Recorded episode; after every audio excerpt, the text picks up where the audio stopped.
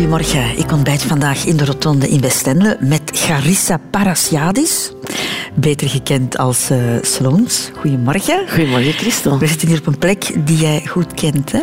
Het is voor mij een vrij iconische plek, omdat ik uh, elke zomer, toen ik kleintjes was, kwam wij naar hier, naar Westende. Een heel maand en dan huurden wij zo'n huisje met, met de hele straat ook zo. Dat was ook een overhoop van mensen. En... Dus heel dikwijls voorbij dit gebouw? Ja, dit gebouw was zo op het einde van de wandeling zo. En als kind wandelen, why? Waarom? Je snapt het nu niet van wandelen. Dus als we dan aan de rotonde kwamen, dan had ik zoiets... Ah, nu draaien we terug. En dan gaan we ijsje halen. Het keerpunt. Het keerpunt. Ah, wel, daar gaan we het vandaag ook over hebben. Over de keerpunten in jouw leven. Welkom in de rotonde. Dank je. Radio 2. De Rotonde met Christel van Dijk. Slons, we gaan vandaag eens terugkijken op, op jouw leven en dan vooral op de keuzes die jij gemaakt hebt op de rotonde van het leven. Als je er nu zo zelf op terugkijkt, hè, op die 42 jaar is het ondertussen. 42. Ja, is het een, een makkelijk parcours geweest?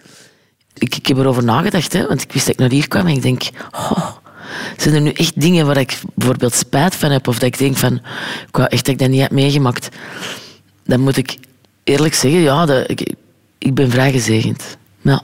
Misschien ook omdat je de dingen ook makkelijk kan aanvaarden. Hè? Soms moet je een klik maken in je hoofd en zeggen: Oké, het is wat het is. Ik heb mezelf daarin getraind ook. En ik denk dat dat een deel is van, van het gemakkelijker aanvaarden van de tegenslagen. Ik heb, ben vrij vroeg uh, begonnen met, met, met, mezelf te leren kennen. Of te leren kennen van hoe dat wij als mens in dit machtige grote universum uh, het doen. Hè? Niet het, hè, maar mm -hmm. het doen. En um, ik heb mezelf aangeleerd om, om dat te, te aanvaarden. En, en, dat maakt dat als je een tegenslag hebt, dat, dat je gemakkelijker zoiets hebt van... Ah, boeiend, welke les valt er hier nu weer uit te leren? En doordat ik zo naar de dingen kan kijken, voel ik me minder een slachtoffer. En bekijk ik het meer als uh, uh, Gullivers reizen. Zo de, de, de avonturier die, die, die mm -hmm. ja, voilà, niet weet wat er gaat komen en moet delen met de omstandigheden die er gegeven wordt en de best mogelijke oplossing daar. Maar je denkt precies wel veel na, hè? Ja, ik, zo, ik ben wel vrij filosofisch ingesteld. Ja? Ik denk na over het leven en over, over wie wij zijn en, en, en wie ik ben en wat dat mijn plaats hier is en, en wie dat de persoon Charissa is. Soms, hè, mensen zeggen dat het uiteindelijk is om over jezelf in de derde persoon te praten. Maar ik vind soms dat je afstand van jezelf moet kunnen nemen om naar jezelf te kunnen kijken. Dus ja, ik denk veel na over het leven en ik praat er ook graag over en ik vind dat boeiend. En, dus ik ben blij dat je me uitgenodigd hebt. het klinkt allemaal heel goed wat je vertelt, alleszins. We gaan eerst eens naar jouw Wikipedia-pagina kijken, want je hebt een, een Wikipedia-pagina uiteraard. Hè? Ja, maar het machtige is dat dus mensen dat maken. Ik, ja, ja. Ik, ja. De hele Wikipedia-pagina gaan we uiteraard niet voorlezen, een stukje ervan. Slongs Divanongs, of kortweg Slongs, is het alter ego van Charissa Parasiadis. Antwerpen, 24 juli 1978. Een Antwerpse rapster met een Griekse achtergrond. Zo hebben wij jou leren kennen, de publieke Charissa. Tot je dertigste was je eigenlijk onbekend, hè, tot je dertigste. 32, 32, 32 ja. zoiets. En die periode daarvoor, daar weten we eigenlijk niet zoveel over. Dus het uh, werd tijd dat uh, Han Koeken um, ja, die periode ook een plek geeft of gaf in jouw Wikipedia-pagina. Slongs die van ons, of kortweg Slongs, is geboren te Antwerpen op 24 juli 1978 als Charissa Parasiadis. Charissa groeide op in wijk 4 op Sint-Andries. En bij goed weer was het daar altijd feest, vertelt jeugdvriendin Katja Jip nostalgisch. Soms waren wij wel met 30 mensen en dan weer daar inderdaad gezellig eten. Met z'n allen, met heel de straat bijeen, de kindjes aan één tafel, grote mensen aan één tafel. En dat was altijd heel gezellig. En in die behagelijke buurt was Charissa een opvallend figuur, lacht Katja. Ze was altijd heel klein en fijn en eigenlijk ook een beetje jongensachtig. Dus ik denk misschien dat, dat, zo dat wat de rapper er eigenlijk altijd wel een beetje heeft ingezeten. Zo wat dat coole, dat stoere en dat, ja, vooral dat eigenzinnige en deugenieten. Deugenieten, ja, absoluut. Ook op school was Carissa niet verlegen om af en toe de kwajongen uit te hangen, weet Janine Champagne, leerkracht Nederlands aan het Stedelijk Lyceum in Antwerpen. Ze, ze had te veel energie en zo. Uh, dus op een bepaald moment alles stil in de klas, iedereen geconcentreerd aan het werk. En dan begon Carissa luidkeels te zingen. Ja, hoe moet je daarop rea- reageren? Hè? Onze vrolijke nachtegaal bracht wel vaker leven in de brouwerij, vertelt juf Inge van Eukelom. Op de speelplaats was ze heel vaak aan het zingen of aan het neurien. Dat is mij altijd, eh, eh, altijd opgevallen. De liefde voor zingen, dat zat er altijd in. eh, en dat de kleinste aanleiding altijd eh, een reden was om in, in zingen uit te barsten. Maar juf Janine had al snel door dat Carissa een specialeke was met talent. Ik heb haar dan gezien op toneel en dan ben ik een beetje van mijn sokken geblazen, want dat was dus fenomenaal wat ze daar deed. En eh, ja, ze was, ze was goed op school ook. Ons energiek fenomeen maakte al op jonge leeftijd kennis met het nachtleven door als 14-jarige te ontsnappen via het slaapkamerraam. Tot vader Nico het in de mot kreeg en een gepaste straf bedacht, vertelt de 86-jarige Jan van den Bos. Haar vader, de Nico, die speelde ook in het Multatuli Theater. En wij hadden in het theater altijd iemand nodig voor de keuken te doen. Croque monsieurs, kleren te maken, soep. En Garissa was op een zeker ogenblik heel stout geweest. En moest van haar vader verstraft bij mij in de keuken komen werken. En Jan werd onmiddellijk een trouwe fan toen Carissa begon op te treden met de hip-hopgroep Halve Euro. Daar hadden die nog geen bekendheid. En dat was hier en daar eh, op, plantjes en zultjes waar je nog nooit niet van gehoord hebt. En iedereen van de 11 euro noemde mij dan Bompa. En net zoals superfan Jan de Bompa werd genoemd, kreeg ook Carissa een nickname, vertelt Chris Deels, bezieler van Halve Euro. die nummertjes waren dan opgenomen. En dan had ook zoiets van, ja, je moet wel een naam hebben, hè, want eh, je hebt zo Little Kim en je hebt wel Kelly's en je hebt zo wel wat van die typetjes zo in de hip-hop. En dan eh, waren wij zo aan het polsen de naam van, ja, wat zou je dan zelf willen? Zo van, eh, van Schatje of, eh, of, of, of, of Grietje of Mokken. En dan, en dan zei je, oh, slongs, hè, slongs. Slongs was geboren en met Halve Euro kwam ze in de spotlights en op het podium terecht. Een plaats waar ze haar energie en uitzonderlijk talent kon laten samenvloeien en ontplooien. En de rest is history. Wauw, hoe schattig is dat allemaal? Maar het ontroerde jou echt heel duidelijk, hè? Ja, dat, allee, dat is... eh, buiten dat, dat ik textuur overkom, ben ik heel gevoelig en, eh, en melancholisch. En, en dan zo... De mensen waar ik veel van hou, dat die dan zo over mij zo leuke dingen zeggen. Alleen leuke dingen over... Die dezelfde herinneringen delen. En eh, mevrouw Champagne, zo... Goh, dat was... Dat was fantastisch. Hè? Ik keek er enorm naar op, naar die, naar die juf. Ik vond die fantastisch. eh. ik kon die nooit vergeten. En ik ben blij dat zij mij dan ook niet vergeten is. Ah, dat is wel tof wat dat jullie gedaan hebben. Oh. De Rotonde. Radio 2. Radio 2. De plek waar je wieg staat, bepaal je niet zelf, maar bepaalt wel heel veel in je leven natuurlijk. Hè. De, eh, het gezin waarin je opgroeit. Je was de oudste van drie kinderen. Hè. Ik ga het even samenvatten. Je hebt nog twee broers. Je mama is een Vlaamse en je papa een, een halve Griek. Hè. Ja. Maar voor de rest een gewoon door de weeks gezin, denk ik. Mag ik het zo noemen? Vlaams gezin, eh, bloemkool met patatjes en worstjes. En eh, ja, heel traditioneel. Papa ging werken. Eh, mama ging in het begin ook nog werken, maar die was veel thuis. Dus wij hadden zo... We waren geen sleutelkinderen. Er was altijd iemand thuis als wij eh, van school kwamen. En ehm, vrij traditioneel. Allee, ja, gewoon Vlaams gezin. We hadden het niet slecht. We waren niet superrijk, maar ik kreeg ik wel een Barbie eh, van de Sint. En wat voor opvoeding hebben ze jullie gegeven? Wel, de papa van Griekse afkomst. ehm, toch ehm, een een relatief eh, hard handje. Papa was vrij streng. Relatief, want gezien tegenover zijn opvoeding was hij eh, een zachtgekookte knijken. Maar tegenover mijn andere vriendjes eh, was de papa wel ehm, de, de schrik van de straat. Hè. De, de andere buurkindjes die hadden ook zoiets. Als mijn vader met zijn ogen begon te draaien of iets brulde, dan eh, stond iedereen in het gareel en ging, of ging iedereen lopen.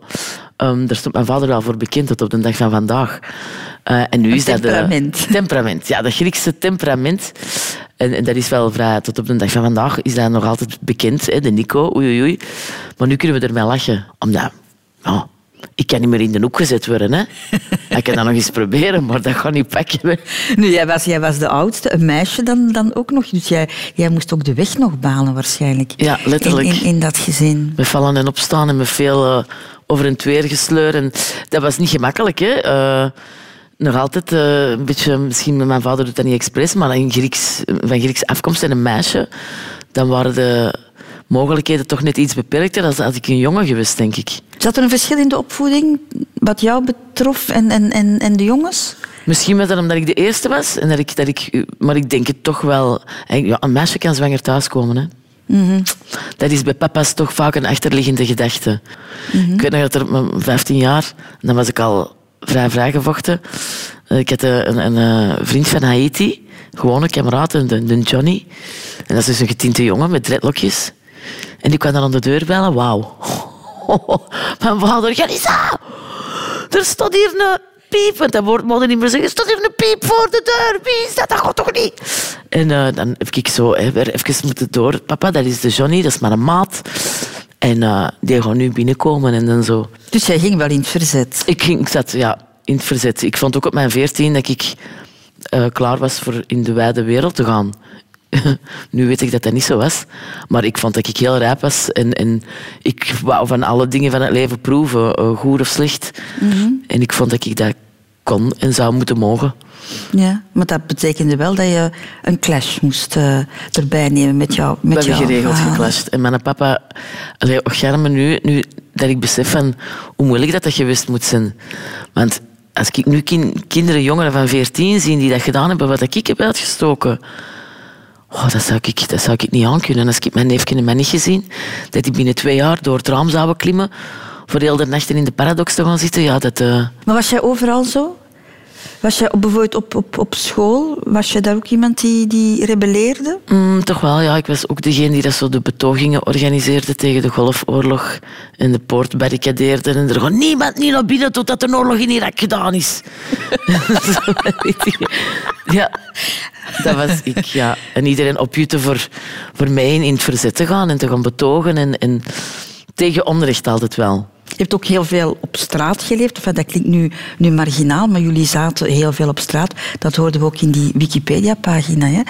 Dus dat, dat, moet toch een gevoel van vrijheid gegeven hebben, dat je daar naartoe kon. Wij waren de, in, in de 80s, dat betreur ik heel erg voor de jongeren van nu. Wij gingen s morgens buiten en wij kwamen s'avonds terug. Je moest gewoon op tijd thuis zijn voor het eten en dat was het. Wij speelden altijd buiten. En natuurlijk kwam er wel wat kattenkwaad bij te zien. En je leert ook je mannetjes staan, want je zit niet altijd onder die beschermende eh, rokken van, van moeder. Hè?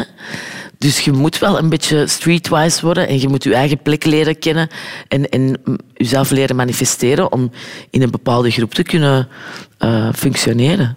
En de papa, ik hou van hem, eh, maar die zat niet de hele tijd met zijn vinger en ik moest niet altijd in het rijtje lopen.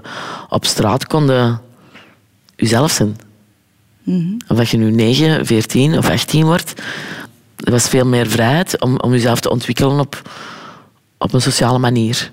Maar je bent wel tot je 26e thuis blijven wonen, klopt dat? Uiteindelijk wel. Hè, dat, ja. is, dat is toch heel dubbel? Omdat op mijn 18 eh, de, dan, ehm, was ik dan meerderjarig en eh, dan begon ook de relatie met mijn vader veel beter te worden. Ik weet nog dat ik op mijn 16, ik was aan de klaagmuur in Israël. En ik, eh, ik, ik, ik denk, ik kan het maar proberen. Hè. En ik had ook een briefje tussen de klaagmuur gestoken. En er stond op, ik hoop dat ik minder conflicten met ons papa ga hebben. Want ja, ik zie die geren, die is in mij geren, maar die probeert mij te beschermen en ik probeer los te rukken. En dan is dat gebeterd. Misschien heeft de klaagmuur gelusterd. Ik weet het niet, misschien. Maar tegen mijn 18 hadden wij een vrij goede verstandhouding. En die zag ook dat ik mijn schoolwerk deed. Ik werkte in het weekend.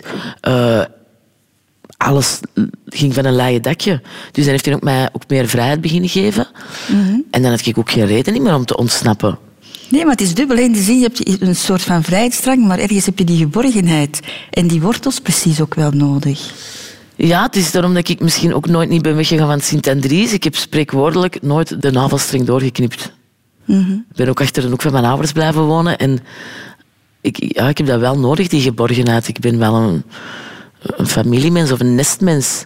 En als dan alles goed gaat en je komt goed overeen, why would you leave the nest? De grootste familie. Radio 2. Slons, we hebben het net al over jouw eh, jeugdjaren gehad. Hè. Geen al te makkelijke tiener. Ehm, wel eens een clash met de papa. Af en toe, zo af en toe, zo is Af en toe zo. is, werd er eens geroepen en, en, en Oh. getuurd en met Oh. deuren geslagen.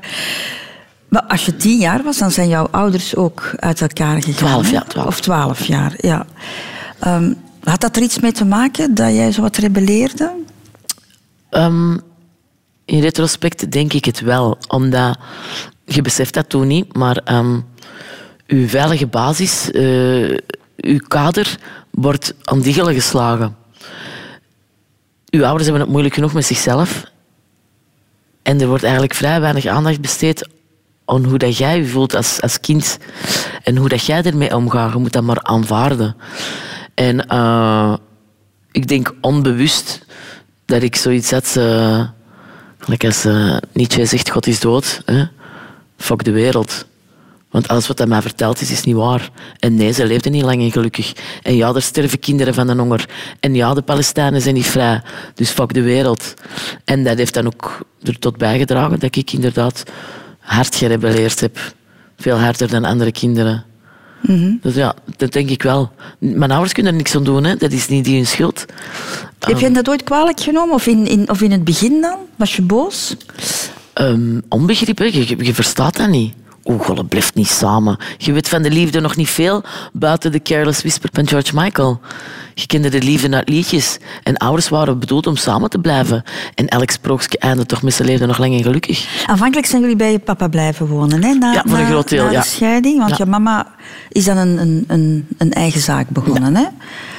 En dat is ook een beetje een moeilijk verhaal geweest, hè? Want uiteindelijk is eh, die zaak Dat is niet goed gelopen, gegaan. spijtig Ja. genoeg. En, en dat was, ik, vond dat, ik vind dat heel pijnlijk voor ons mama, want die, die, die wou een nieuwe, nieuw leven beginnen en die had veel hoop en, en ambitie. Maar als dat dan mislukt, dat is, dat is een pijnlijke. En als je failliet gaat in België, dan heeft dat nog wel wat gevolgen. Ja, dus het wordt een hele tijd voor het loonbeslag gelegd.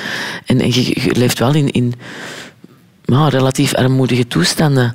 En misschien was het niet gemakkelijk voor mijn mama voor dan ook nog de materiële en, en dat allemaal te dragen op die moment. Dus dan was het goed dat we misschien meer bij ons papa konden zitten, die dat het wel kon dragen of die dat wel de logistieke en, en financiële mogelijkheden had om ons te ondersteunen. Maar mijn mama heeft het niet gemakkelijk gehad. Dat is een feit, ondanks dat ze wel voor zichzelf gekozen heeft. En als ik nu vraag van, zou het anders gedaan hebben? Zouden zouden dan toch bij de papa gebleven zijn? Nee, dat, is, dat was op, dat was klaar. Heb jij een zekere werkethos dan meegekregen van bij jou thuis? Dat hebben ze er hardleers proberen in te mappen, maar werkethiek... Ja, langs de andere kant wel. Ik heb van jongsbeen af, hè, als straf beginnen, met, beginnen werken in een multatuli. En ik heb dan heel snel ook de waarde van geld leren kennen en geleerd dat van als je je eigen inzet, dan kun je je eigen centjes vergaren. En een bescheiden welstand. Dat is genoeg, een bescheiden welstand? Bescheiden welstand is genoeg. Eh, voor, voor mij toch. En, en daardoor heb ik altijd, ik heb altijd gewerkt. Zomer, winter, herfst, weekend. Overal waar ik eh, opportuniteit zag, dat wel. En dat heb ik wel van thuis uit meegekregen. In het begin tegen mijn goesting, maar daarna zeg ik wel de... Oh, ah, oh. En dan zelfstandigheid dat erbij komt. Als je voor je eigen kunt zorgen. En ik als meisje, alleen vrouw... Nou, dat is toch belangrijk, vind ik, dat je niet afhankelijk moet zijn van een man. Gelijk het vroeger was. Heel- 1976 mochten wij voor de eerste keer onze eigen bankrekening hebben, Christel. 1976? Ja, twee jaar daarna ben ik geboren. Kun je je dat voorstellen? In 1975, misschien herinnerde jij je dat niet. Maar dan, mocht jij, dan moest je een man eh, zorgen voor je bankrekening. En Dus- dat, dat was iets wat jij zeker nooit wou. Nee, dat wou ik niet. ja. Denk je dat je altijd op, op je pootjes terecht zal komen, wat er ook gebeurt? Ehm, Op dat gebied bedoel ik dan? Ik denk dat ik dat, ik denk dat sowieso, omdat ik, ik zeg dat ook altijd tegen mezelf. When the shit hits the fan, eh, dan zal ik shit opkussen. Als het erop aankomt dat ik op een dag wc's moet gaan kussen, dan zal ik dat doen. Maar ik zal er wel voor zorgen dat ik overeind blijf. En eh, omdat je inderdaad je er heel bewust van bent dat het leven niet altijd roze geur en maneschijn is, zal ik gewoon doen wat er gedaan moet worden om in mijn levens... allee, in mijn welstand, bescheiden welstand, om dat te kunnen blijven evenaren. Ik ben niet vies van werken. Ik, ik voel mij ook niet eh, beter dan eender wie, dus broeken mee gaan sorteren in de kringloop, dat moest, ja, ja, sure. Want je, je, je zit nu een beetje in die situatie. Hè? Met, met heel dat coronaverhaal Ja. is er ook veel, veel minder werk. Hè? Eh, Zeer, ik- geen. Beangstigt dat jou? Of, of, of ben je op zoek naar alternatieven om, om, om te overleven? Ja, ik heb van de week gesolliciteerd voor iets. En ik ben nu ook gewoon door vacatures ontgaan om te zien of dat er iets bij zit dat, waar ik mijn, eh, waar ze mij kunnen gebruiken. Omdat, laat ons een kat een kat noemen, we weten nog niet of dat allemaal teruggekomen in de manier dat, het nu ge- allee, ja, dat we het gekend hebben. Hoe lang dat het gaat duren, we don't know. En bij de pakken blijven zitten en dan alleen maar van die donkere, treurige liedjes schrijven. Nou, dat gaan we niet doen, hè. Nee. Dus deze is weer een uitdaging, weer een kans, denk ik, om, om te laten zien hoe weerbaar dat we zijn. En, en hoe dat wij als mensen toch vaak van... van eh, er is, zo, er is zo gezegd dat ik kan weer het woordje strand moeten gebruiken. Maar je kunt van, van een strand ook een schoon beeldwerkje maken. Hè? Dat is, dat is kneedbaar, hè, kaka. Stinkt wel eens, schat ik. Stinkt, ja. ja. Ja, dat is zo vet. Maar als dat opdroogt, niet meer, hè. Radio 2. De Rotonde. Slons, kan ik zeggen dat jij altijd een heel groot gevoel voor show had ook? Eh, ja. Elke bak bier was goed. Elke bak bier was een podium, elke lepel was een micro, elke foto was de, de, de, de mogelijkheid om mijzelf te profileren als de nieuwe Madonna. Je ziet dat ook aan mijn kinderfoto's. Hè. Ik sta niet gewoon te lachen, ik poseer. Hè. Dat vind ik ook zo gek, want eigenlijk was jij een halve jongen, een, een, een, een rebel. Jij leefde op straat en dan had je toch zo iets van, van diva ook in jou. Ja, dat noemen ze dus schizofreen zijn. Hè.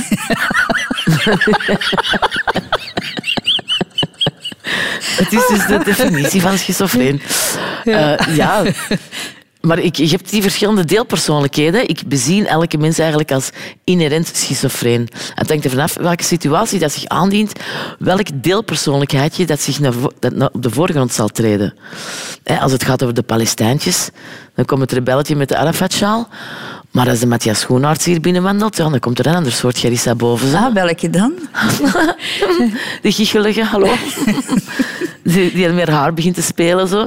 Eh, dus ja, dat divatje zat er ook altijd in. En werd dat aangemoedigd of, of gestimuleerd? Ja, ik, ik mocht altijd wel... eh, toen ik elf was, ben ik met toneel begonnen. Papa was artistiek, die, die speelde theater, speelde muziek. Dus dat weer wel ge, ge, allee, gemotiv- allee, ja, gestimuleerd, dat wel. Maar toen als ik zei van ja, ik zou geen studio Herman doen, ja, dat, dat vond hem toch niet zo'n goed idee. Moet zien maar dat je eerst nog gewoon een diploma had. En eh, theater kunnen nog altijd in het weekend gaan spelen. Want, want hij speelde zelf ook gitaar, hij was ook artistiek. Hij En hij schreef songs. Hij, En hij was een tekenaar. Hij was op zijn nog. 16 wel zo tegen, de, tegen de, hè, de heersende orde, zijn vader dan, naar de academie gegaan. En als tekenaar. Dus dat vond ik dan een klein tikkeltje hypocriet. Maar ik begrijp hem ook wel. Ehm, zie dat je eerst eh, iets, iets deftig in handen hebt. waar je, want als, als tekenaar, op een gegeven moment had hij ook geen job niet meer met de opkomst van de computer. Dus dat- dat- ja, zijn beweegredenen waren altijd wel... Ik dacht van, dat die wil mijn leven van uh, verruineren. Maar hij deed dat vanuit de juiste plek. En je hebt dat toen ook niet gedaan, hè? want je bent toen... eh, hoe, hoe saai facility management gaan studeren. Maar hoe, Ja. hoe, hoe komt dat jij jou daar zo snel bij neerlegde? Bij die beslissing van jouw vader? Omdat ik hem toch wel ergens geloofde. Zal zoiets zijn. En ehm, ja, waarom eigenlijk? Ja, again, als mijn vader zijn ogen opentrekt en zegt van het gaat zo zijn, Christel, dan wil ik u er ook eens voor. Volgens mij ga ik ook zeggen, oké, we doen dat dan. Nee, nee, zo erg was dat niet, maar toch, er was een soort van... eh, hij had gelijk, hè. Kon ik op mijn, als ik eh, die facility management had gedaan, dan was hij content. Ik had het juiste papiertje in handen en ik kon het eigenlijk nog altijd gaan doen wat ik wou. Hè. Maar je hebt het niet gedaan, hè? Nee. Maar bloed gaat waar water niet stromen kan. Of zoiets. Ik zeg het altijd verkeerd, maar ik vind dat een heel toffe uitdrukking. Iets met bloed en water. Het bloed kruipt waar het niet gaan kan. Is zoiets niet? Zoiets. Heel toffe uitspraak, maar voilà. Dus, en. Het ding is, als, eh, uiteindelijk is het toch komen bovendrijven dat ik iets artistiek moest doen. Ah, ja, want je speelde ook al toneel. Ik speelde al toneel. En- En als je uiteindelijk eh, achter een toog staat, dan komt ook een heel stukje toneel bij kijken. En dan op latere leeftijd, alleen latere leeftijd, zeg, 32, primetime, eh, ben ik dan toch in dat artistieke Ja. gerold. Want je zit al eh, achter een toog, inderdaad, want je hebt nog hè, eh, café gehouden, daar gaan we het eh, straks over hebben. Maar inderdaad, dat is ook een beetje een toneel. Je staat om te beginnen al wat hoog. Je hebt altijd een podium van 5, cent, allez, 5 à 10 centimeter. Hè? En daar zong ik ook heel de dag hè, achter de toog. Hè. En dat, was, dat ik ook mijn publiek. Hè. En je hebt een tijdje als go-go-danseres gewerkt ook nog. Dat is ook een serieus podium, hè? Dat was, oh, dat was mijn droom. Hè. Van de eerste keer dat ik in een discotheek binnenstapte en ik zag die danseres en ik zeg, amai, dat wil ik doen. En go-go-dansers, in de tijd dat ik danste, dat was niet meer een stringetje en een kibinetje. Hè. Dat we, sommige danseressen stonden gewoon in een salopet, die waren stoer, die hadden bandana's op. Dat was nog... Je moest kunnen dansen. Het ging niet over alleen maar je poep draaien en, uh, en opgespoten borsten hebben. Dat hoefde helemaal niet. Het ging echt over dansen en technisch en het volk opzwepen. En daar heb ik dan ook... Uh, ja, daar, daar, ben ik in geslaagd. Ik heb me eigenlijk dan ook gewoon zo aangeboden. Uh, ik ken dat ook. Ja, ik denk dat jij mij nodig hebt. En dan van het een kwam het ander. En dat heb ik dan toch zes jaar ook gedaan. Ja, en ging het om het dansen of om gezien te worden? Alle twee. Die podium... En, want als ik, als ik niet als gogo-danseres werkte, dan stond ik ook al op dat podium. Heel de nacht. Dus er is natuurlijk een soort... Uh, ik wil gezien worden. Hè. En um, nou, dat podium heeft toch altijd een soort aantrekkingskracht op mij gehad. Daar voelde ik me toch altijd heel thuis op. En je was er ook heel zelfzeker in, heb ik de indruk. Je wist wel, ik kan dat. Ja, maar ik heb ook jaren voor de spiegel geoefend. Hè. Had ik een grote spiegel thuis en dan stond ik thuis Janet Jackson na te doen en movejes te trainen. En oh, op den duur, je ziet de rest en je zoiets, ja, oké, dat is in de zak hier en dat ken ik beter. Ja, dat, ik wist gewoon, ik weet dat nog, mensen spreken er nog over. Heb jij in alles zoveel zelfvertrouwen? Nee. Maar de dingen die ik goed ken, dan weet ik dat ik goed ken. En dan hoef ik mij er... Nou, voilà, dan ben ik dan zeker van, ja, dat ken ik. We hebben het daar net al over gehad, voor negen uur. Uh, jij hebt heel lang in een café gewerkt, hè? Ja. Was het geen 18 jaar? 18 jaar heb ik uh, in, uh, in Café Multatuli gewerkt. Overgenomen van jouw, om het met lelijk woord te zeggen, stiefmoeder, ja, hè? plus mama, ja. ja. Mijn stiefmoeder die was echt die was op, die had hard gewerkt in haar leven. En ik was klaar voor een nieuwe stap.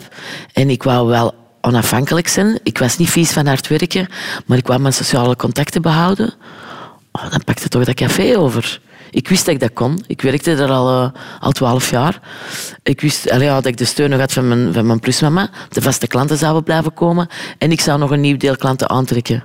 Dat is een uh, formule voor een goudmijn. En dat was het ook, hè, denk ik? Het heeft enorm goed gedraaid, dat café. Maar heeft het jou ook iets bijgebracht als mens? Um, sowieso, als je in zo'n volkscafé werkt, komen er met heel veel mensen van verschillende allooien in contact. En ook uh, mensen die dat je niet zou kiezen, dat je bijvoorbeeld gewoon je vriendenkringetje samenstelt. Dus oh, er zaten zowel professoren als vuilkarmannen. Er zaten uh, dames van in de tachtig als, als, als, jonge meisjes die op woensdag met hun kindje kwamen. Dat was heel verscheiden. En, en, en de interactie tussen mensen kun je heel goed zien. Een, een, een goede cafébaas die kan ook hier met u aan het babbelen zijn, maar terwijl hij ook hoort dat er aan de andere kant van een toog gebeurt. Dus dat is eigenlijk een heel groot, tof sociaal experiment. Mhm. En als je dat maar filosofisch hebt aangelegd, ja, dan is dat voor duimen en vingers af te likken. Omdat je de mens leert kennen op zijn best, maar ook op zijn slechtst. En je leert ook misschien hoe, hoe je mensen moet inpakken. Iets wat je later Manipuleren, podium... zeg het maar, Christine. Manipuleren, ja. Iets wat je later op podium waarschijnlijk ook ja. hebt, hebt kunnen Je ziet wat dat werkt en wat dat niet werkt. En hoe dat je mensen kunt boeien. En hoe dat je de aandacht kunt vasthouden. En, en dat is een goede leerschool geweest. Niet alleen voor het leven, maar misschien ook inderdaad later voor op het podium. Maar je stopt er wel mee, hè, na, na 18 jaar. Hè?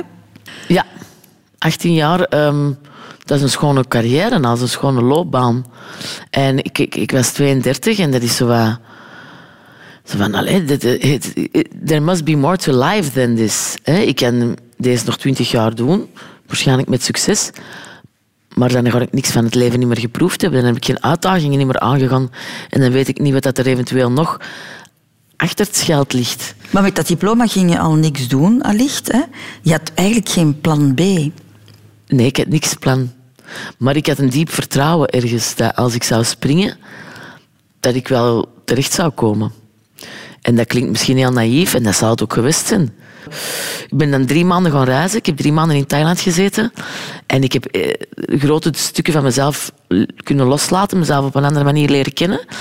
En dan kwam ik terug in België en dan was ik voor de eerste keer, de aller, allereerste keer in mijn leven, gelukkig. En dat was omdat ik niks wou. Er was niks dat ik wilde. Er was niks dat ik ambieerde. Ik vond alles perfect. Mijn mantra was... Beter als deze wordt het niet. En zo stond ik elke dag op en ik zag naar de, naar de, de bloemen en ik zag de bijen er naartoe vliegen en ik, ik kon ervan beginnen wenen. Omdat ik voor de eerste keer tijd had genomen voor de perfectie van onze mooie kosmos te gaan bekijken zonder mezelf een druk op te moeten leggen van ik moet dit of ik moet dat. En dat had mijn, uh, mijn perspectief enorm geopend. En ik ben dan ook gewoon terug gaan werken in een caféke, ergens achter de hoek, voor een baas. Ja, fuck ja, yeah, voor een baas. Je moet zelf geen administratie doen. Gewoon s morgens aankomen, schortje aan, klaar. En toen belde een halve euro. En de rest is geschiedenis. Ja, en dan is jouw, jouw carrière eigenlijk, eigenlijk begonnen. Hè? Ja. Zie je daar een verband tussen? Ja, ik zie daar een groot verband tussen. Um, veel mensen vragen, uh, zo jonge mensen, ja, en wat moet je doen om bekend te worden? En wat moet ik doen om door te breken? En, en, en het enige dat ik kan zeggen is niks willen. En het doen voor je plezier. En in elk, alles wat je doet, plezier zoeken en van dag tot dag leven. Dat klinkt ook weer zo naïef en zweverig, maar volgens mij is dat de grote sleutel. En dat was iedere keer, de, elke keer als wij iets nieuws deden met een halve euro, dan denk ik, beter als deze wordt het toch niet. Beter als deze wordt het niet. En het werd alleen maar beter. En er kwam alleen maar meer, alsof er iemand met een grote, met een grote horen erboven ontluisteren was van, hier, ze zegt dat het niet beter kan worden, kom. We, we doen er nog iets bij. Ja, allez, kom, wat gaan we na het vinden? Ja, ja, ja, ja. We geven ze, we geven ze een nummer 1 niet. Ja, dat doen we, dat doen we, dat doen we, dat doen we. En zo leek dat voor mij door een soort engelenkoortje dat dat dan allemaal regelde voor mij. Maar het zal misschien gewoon ook een heel grote portie geluk zijn geweest, want dat is heel belangrijk in het leven. Dan kwam na uh, een halve euro het, het, succes van, van, van Slons. Hè. Um, dat verhaal gaan we niet helemaal doen, hè, maar dat is ook dat, dat, dat, dat, was een boom plotseling. Hè. Jij, jij, jij, was er, jij stond er en jij was ook overal, overal te zien. Hè. Elk spelprogramma. Uh, dat was waanzin. Hè? Ja, en dan neem jij weer een, een, een hele drastische beslissing. Hè, van, het is genoeg geweest even. Ja. Ik, ik, ik ga uit die spotlights. Ja. Omdat, um, omdat het... Ik wou te veel nog altijd um, iedereen pleasen. Dat heb ik ook pas later ontdekt dat ik dat soort persoonlijkheidje heb. Weer zo'n lekker schizofreen stukje. Um, maar ik wil dus eigenlijk dat iedereen van me houdt. Dat is heel belangrijk voor mij. Ik, ik, wil niet afgewezen worden. En uiteindelijk is dat uiteindelijk nog altijd die, uh, die liefde van je ouders waar je naar op zoek bent. Papa, kijk eens. Papa, kijk eens, doe ik het goed? Papa, zie, zie, zie, zie. Papa, papa, papa. Dat is dat. En um, je kunt niet iedereen pleasen. En als je je op kop boven water stikt, gegarandeerd dat er wel eens een boot over varen. En ik kon dat niet meer aan. En ook al die kritiek. En sommige mensen vonden mij heel leuk, maar andere mensen die hadden, die hadden mij liever ergens op een onbewoond eiland gezien dan in de Vlaamse media. En ik, ik, ik was daar niet um, tegen opge, opgewassen. En dan heb ik oh, een burn-out gehad. Met paniekaanvallen en heel de Santa Boutique. Um, en dan heb ik mij echt moeten terugtrekken omdat het niet meer ging. Ik kon het niet meer. Nu, erop terugkijkend ben ik heel dankbaar voor die periode, want ik heb een heel groot nieuw stuk van mezelf leren ontdekken. En, uh, en dat leren omarmen en mezelf leren troosten. En dat innerlijk kind eindelijk haar recht van zijn leren geven. Dus ja, voilà, ik bezien dat ook weer als een uitdaging. En ik, ik heb nu alleen maar meer uh, wisdom om mee te geven aan de mensen dan nog op het pad zijn van die zelfontdekking. Ik heb ook nog veel te leren, maar ik heb toch al een paar stripjes meer op mijn kerfstok. Je leeft heel intuïtief, hè? Ik leef intuïtief en mensen gaan dat ook in naïef noemen. Maar voor mij is dat een way of life die, dat ik, uh, die er mij gebracht heeft waar ik nu ben. Dus ja, die eerste en die tweede chakra, die doen het voor mij. Daarnet voor negen uur slons hebben we het gehad over jouw ouders die, uh, die gescheiden zijn toen jij, jij twaalf uh, was. Hè. Dat was meteen in de realiteit staan wat liefdesverhalen betreft. Heeft dat gevolgen gehad voor jou op, uh, op, op het gebied van jouw verwachtingen? Wat liefde en, en, en relaties betreft? Ik denk dat dat onbewust sowieso een uitwerking heeft. Hè. Als ik erover nadenk, ja, ik, ik geloof dus niet in ze leefden nog lang en gelukkig Onbewust ergens geloof ik er niet in. Ik hunker ernaar, maar ik geloof er niet in. Dus die paradox maakt dat je waarschijnlijk dat moeilijk één in een relatie stapt en dan twee moeilijk in een relatie blijft, omdat je waarschijnlijk onbewust de hele tijd op zoek bent naar wanneer gaat het mislopen. Waar zijn de valkuilen? En ja, daar achter die berg zal wel een valkuil zitten, dus ik stap er nu al uit. Ben je zo wantrouwig? Onbewust. Als ik er daarna altijd op terugkijk hoe dat het, het, het, het, het- de relaas van de relatie is geweest, dan moet ik vaak zeggen van ja, ik, ik, probeer toch... Soms noemen ze dat ook wel eh, zelfsabotage. Denk ik soms dat ik wel gedaan heb. Dat ik dingen heb opgeblazen voordat ze tot de volledige ontwikkeling zijn kunnen komen. Dat is een beetje schrik voor, voor het verdriet. Ja. Dus als je dat kunt voorkomen, ja, liever voorkomen dan genezen. Want ja, ik weet niet wat jij al eens liefdesverdriet hebt gehad. Maar dan heb ik nog liever twee gebroken armen en twee gebroken benen. Ja? Ja, liefdesverdriet, ik vind dat, dat is zo, is zo verlammend. Dan neemt al de rest ook gewoon, het sluit dat allemaal mee in die lawine. Als je echt liefdesverdriet hebt, dan, dan is het verlamd. Heb je dat dikwijls meegemaakt? Een aantal keren, maar één keer is genoeg, hè. En die ene keer geloofde je nog van dit gaat hier lukken. Ja, ik had, en, en dat was dan zo weer een heel... Eigenlijk een persoon waar dat iedereen van zei... Oh, Garissa, de D toch niet. Toch niet een D. En ik dan, jawel, jawel, jawel, een D, hè. Ja, ja, ja, ja. En eh, ja, dat... eh, ik wou dat eh, laten slagen, zeker omdat iedereen zei dat dat niet kon. We Zo een of andere Ivanhoe, Sister Nightingale trekje. Ik zal hem wel kunnen veranderen. Ja? Heel naïef, dat is heel naïef. Dat hebben veel vrouwen, hoor. Ja. Dat hebben heel veel vrouwen. En ja, dat is dan mislukt. En ik heb daar echt... eh, mijn vrienden, die, die, hebben, die, die, mijn, mijn broers ook, die hebben mij nog nooit zo gezien. Ik was, ik was één hoopje ellende. Ik kon niet meer eten, ik kon niet meer nadenken. Ik kon niks niet meer. Niks. Verlamd. Dat was ook toen dat mijn café gestopt is. De dag dat mijn café stopte, verliet hij mij. En dan heb ik in die zes maanden in een waas geleefd. En dan toch in die waas intuïtief een ticket geboekt naar Thailand. En dan in Thailand heb ik een grote heling doorgemokt. Dus eigenlijk talent was ook een beetje wegvluchten van, van jouw liefdesverdriet. Ja. Zeker. Ja. Ben je daarna nog een, een even grote liefde tegengekomen? Nee. Nee. Ik heb heel fijne mannen nog in mijn leven tegengekomen, maar die verliefdheid, dat heb ik nooit niet meer meegemaakt. Nee. En, en ben je daarvan geheeld ondertussen? Of is dat iets dat, dat blijft opengaan, die wonden? Dat is een litteken. Dat is een litteken, dan Ja. is het geheeld. Ja, hè? het is geheeld, maar... Maar een litteken, dat als je er- daarover wrijft, doet dat, voelde soms nog pijn. zitten. Ja. Dus dat zit er. En, en ja, ik, ik zeg niet dat ik niet meer in de liefde geloof, maar eh, ik ben ook zo ver in mijn leven dat ik zoiets heb, ja, alles loopt wel heel goed. Hè? Ik ben niet meer op zoek naar, naar het eierdopje voor mijn eiken in te zetten. Hè? Als dat komt, zal dat fijn zijn, maar ik ken ook heel veel vrouwen die dat gewoon doen zonder man en die daar ook gelukkig mee zijn. En dat is ook een stukje aanvaarden. Als je de hele tijd naar iets op zoek bent dat niet binnen handbereik is, dan zie je de dingen niet dat op je pad komen, omdat je de hele tijd gefocust bent op de carrot, on the stick. Je hebt het al een paar keer gehad, dingen overkomen jou, komen op jouw pad, een, soort van karma. Misschien geloof je op dat gebied daar ook in.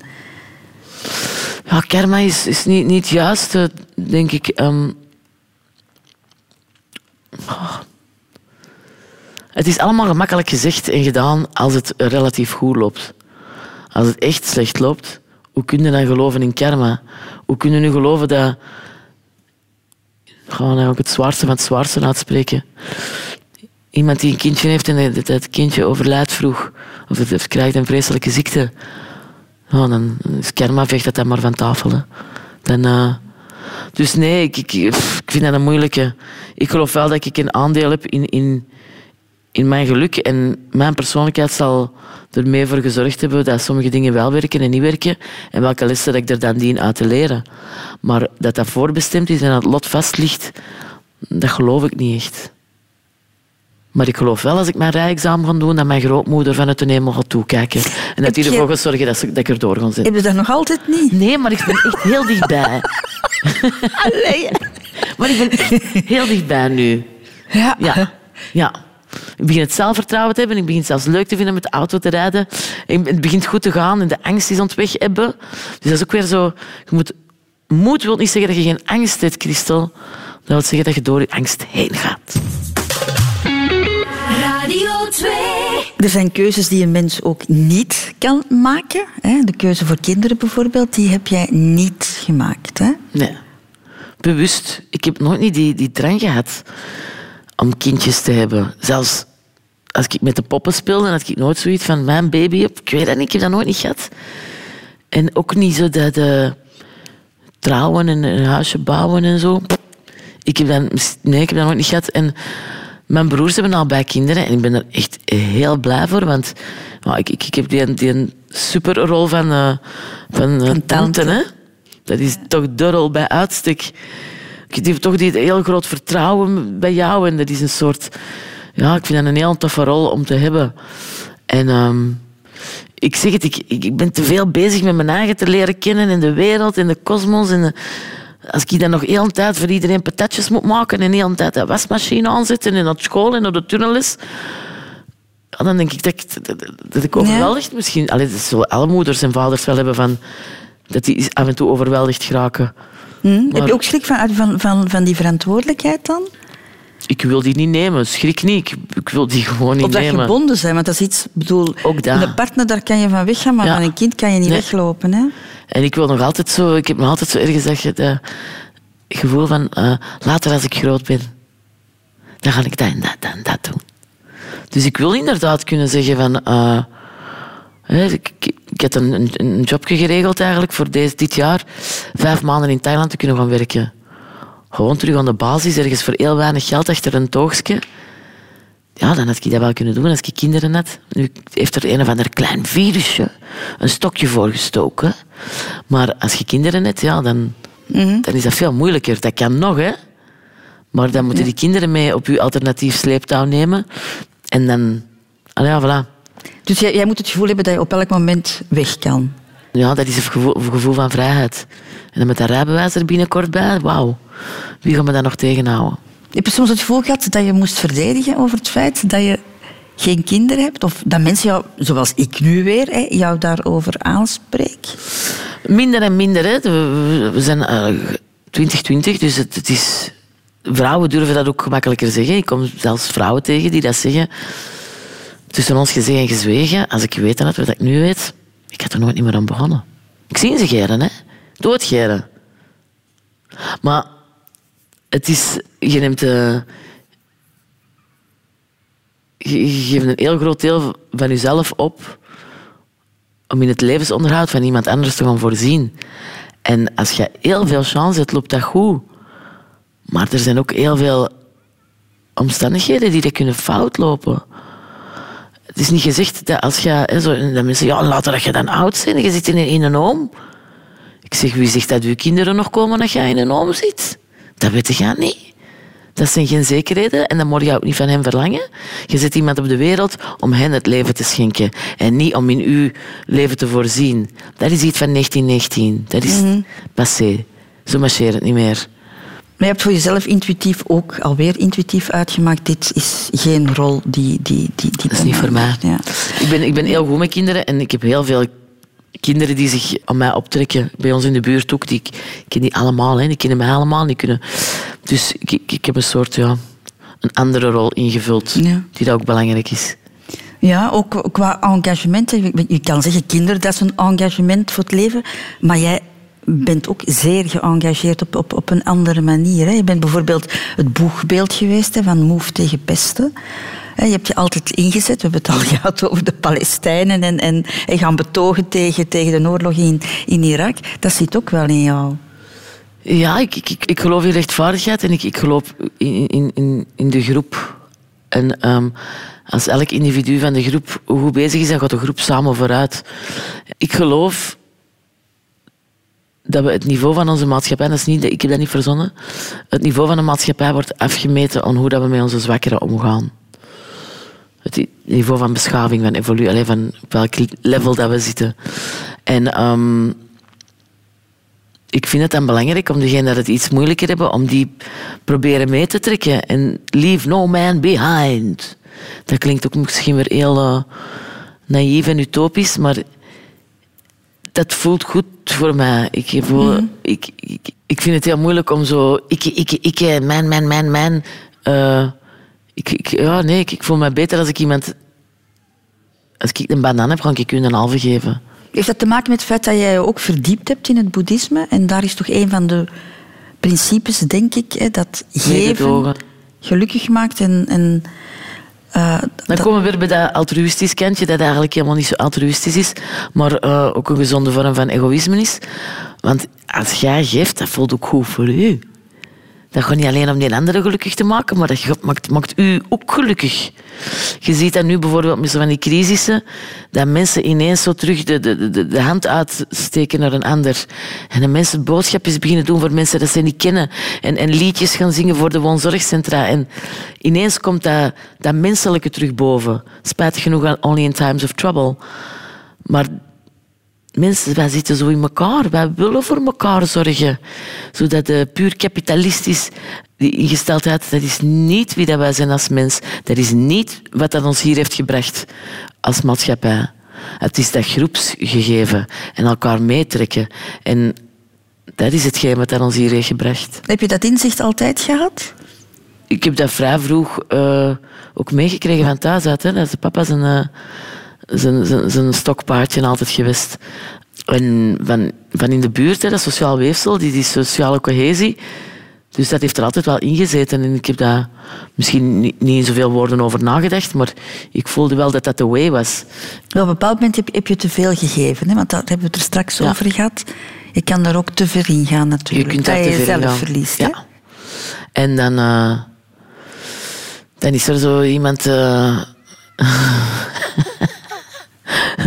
ik, zie, ik zie nu zo een, een cartoon van, van God die dat er zo met een vuurhamer staat. Zo.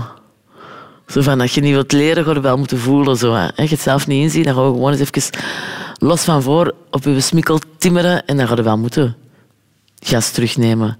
En een beetje aan je eigen geven in plaats van altijd weg te geven.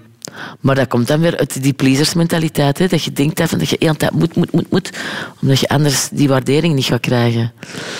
En uh, het gaat erover van een gezond evenwicht te vinden natuurlijk. En dat heb je nu gevonden? Ja, ik vind van wel. Maar je moet waakzaam blijven. Ja, je moet alert blijven. En durven nee zeggen is nog altijd, nog altijd heel moeilijk. Daarom dat ik blij, blij ben dat ik een, een manager heb. Een manager. Dat ik af en toe zo kun gaan nee zeggen. Of dat hij voor mij zegt, we gaan nee zeggen. Oké. Oké. Gelukkig heeft hem nu ja gezegd. Hij heeft ja gezegd. ja, ja, gezegd. Ja. ja. Dat vind ik, dank Daarom u, Nicolas, bij deze. Dank u wel. Dank u. De grootste familie. Radio 2. Ik neem jou wel mee naar de laatste afslag. Slons. Wauw, dat is wel. Ja, het, leven was het leven, hè? Het leven is een vingerknip, hè? Je bent er 42 nu. Hoe, hoe ver staat dat nog van jou af? Ik vind het leuk dat je 42 zegt en niet 42 jaar. Ik vind ook dat we jaar er misschien niet moeten bijzeggen. Dat we misschien moeten beginnen over levels. Hè? Ik zit op level 42. Dat wil zeggen dat ik meer ervaring heb als iemand dat op level 26 zit. Maar dan ben ik al, uh, ben ik al heel ver gevorderd. Kan ik nog veel leren van u. dus ik, ik voel me comfortabel op level 42. En ik, ik heb me eigenlijk altijd voorgesteld... Ik, ik kan oud worden. Ik kan echt belachelijk oud worden. En gezond oud, tegen alle verwachtingen in. Ik geloof dat ik zo dik vlot van achter in de 80, misschien begin 90 sowieso gaan worden. En gezond en nog altijd uber grappig natuurlijk. en, uh, en stijlvol. Ik kan echt op mijn 92 nog wel een coole jeans aandoen en sneakers en zo. Ik vind niet als je op level 65 komt dat je ineens van die lelijke grijze rokken moet gaan dragen en zo. Ik zal waarschijnlijk ook nog op een rebelse manier mijn ogen toedoen. Hopelijk. En wat verwacht je daarna? Wel, ik heb daar natuurlijk al veel over gelezen, omdat het mij boeit. Maar um, ik heb veel uh, papers en, en, boeken gelezen over bijna doodervaringen. En um, zelfs vanuit het standpunt van uh, neurologen en cardiologen die dat zelf hebben meegemaakt, die dat dan heel hun levenswerk hebben omgegooid om dat te gaan onderzoeken.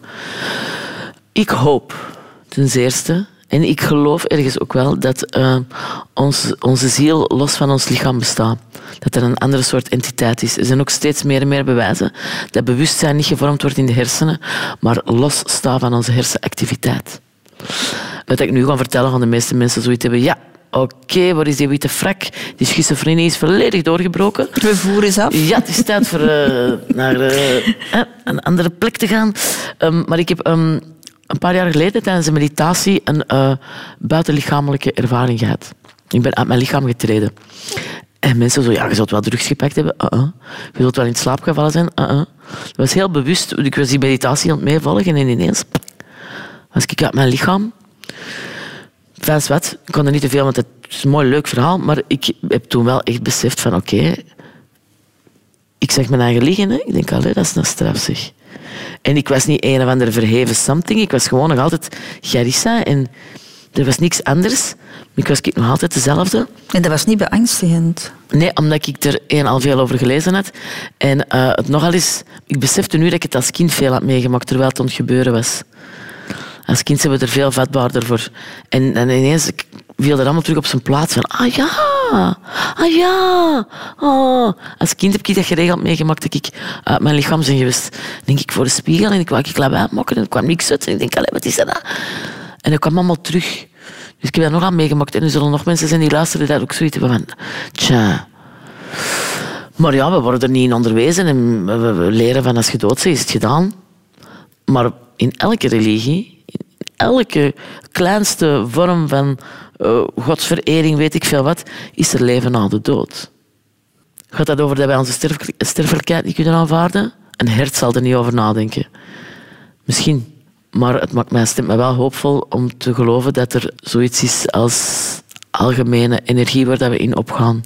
En ik wil dat niet God noemen, maar ja, als je dan de kwantumfysica en zo begint te bekijken en energie begint te bestuderen en zo, dan komt ineens de empirische wetenschap toch wel heel dichtbij bepaalde filosofische en uh, religieuze strekkingen. Geloof je in een soort van beloning en, en, en, nee. en gestraft worden? Nee, nee, nee. Na, na, nee, ik na geloof de dood? niet in goed en slecht. Nee. Er is een innerlijk kompas dat we hebben. Je weet verdomd goed wanneer dat je iets fout doet en wanneer niet. Dat hoeft niemand u te leren, min of meer. dus nee, ik geloof niet dat er een zit, eh, dat is een of andere Sint-Pieter. Ja, zeg, uh, juffrouw Christeltje. Zullen we het eens hebben over dat feit daar in 1973, daar, hè? in de duinen. Wat dacht u daar te doen gaat hebben? Hè? Ik denk niet dat het zo loopt. Maar ehm, ik geloof wel dat we, dat we allemaal... Dat klinkt dan ook weer zo naïef. Oh, maar Jezus. Dat we, dat we verbonden zijn. Ik geloof dat wel. Gelijk als in de string theory, in quantum physics. Ja, wij zijn allemaal ook opgebouwd uit van die kleine elementjes waar ze het over hebben in string theory. Ik geloof dat we allemaal verbonden zijn. Ja. Geeft dat inzicht jou ook rust? Dat geeft mij veel rust. Omdat ik dan... Dat zijn heel hoop dingen waar ik mij niet druk over moet maken. Want ik denk dat het zo zit. En uh, ik blijf daar mijn eigen over uh, onderwijzen. Ik blijf dingen erover lezen en zo. Dat is niet van, nu is het pakketje af. Hè. Dat is een soort uh, drang, een, een, een, een, dorst die daar gelest dient te worden. En dus ik blijf documentaires bekijken en boeken lezen. En, en hoe meer dat erover bekend geraakt. En, en ja, ik vind dat enorm boeiend. Natuurlijk, want ik denk dat we zo in elkaar zitten. We willen antwoorden. Hè. We want the answers en we willen die zekerheid. Dat maakt ons veilig, dat, ons, dat geeft ons een gevoel van veiligheid. Maar het is ook door die zekerheid te durven opgeven dat je op plekken komt waar je nooit had gedacht dat je zou kunnen komen. Dus dat is weer een paradox in het leven. Zoek je die ervaring soms nog eens bewust op om dat uit jouw lichaam te treden? Ik geef het nu door aan andere mensen. Ik zeg, ja, doe het eens, doe het eens. En ik het, want ik heb het nog eens onbewust gehad. Ik ging slapen en ik begon weer zo, ik was aan het mediteren en ineens begint mijn lichaam weer helemaal te trillen. En ik, oh nee, tju, ik moet morgen kei vroeg opstaan. Kom, hup, eruit. ja, hoe stom is dat? Hoe stom is dat? Dus dat gebeurde spontaan en ik, ik heb dat gewoon afgebroken. En sindsdien is het niet meer gebeurd. Maar misschien omdat ik, ja, ik, ik heb het gezien, ik weet dat het echt is. En uh, ik hoef dat niet heel de tijd te doen.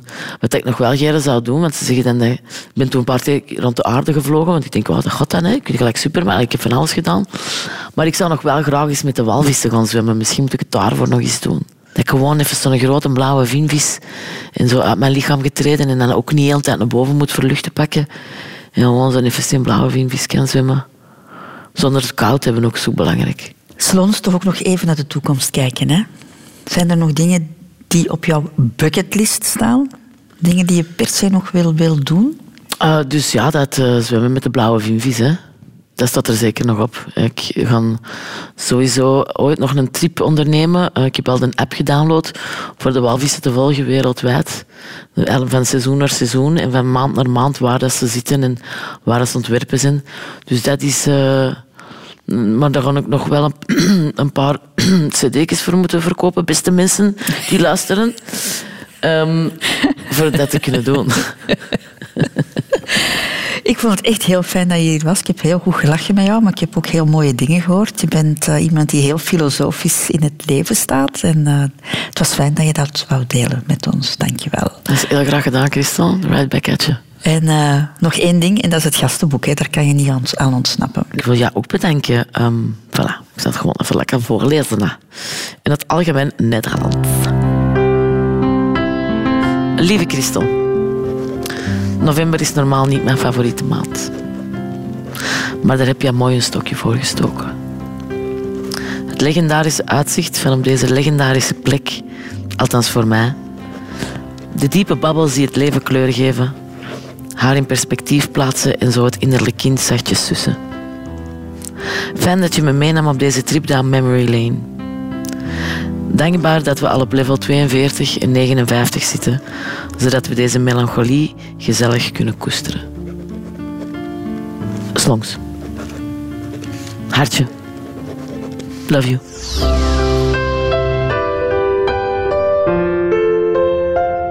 Radio 2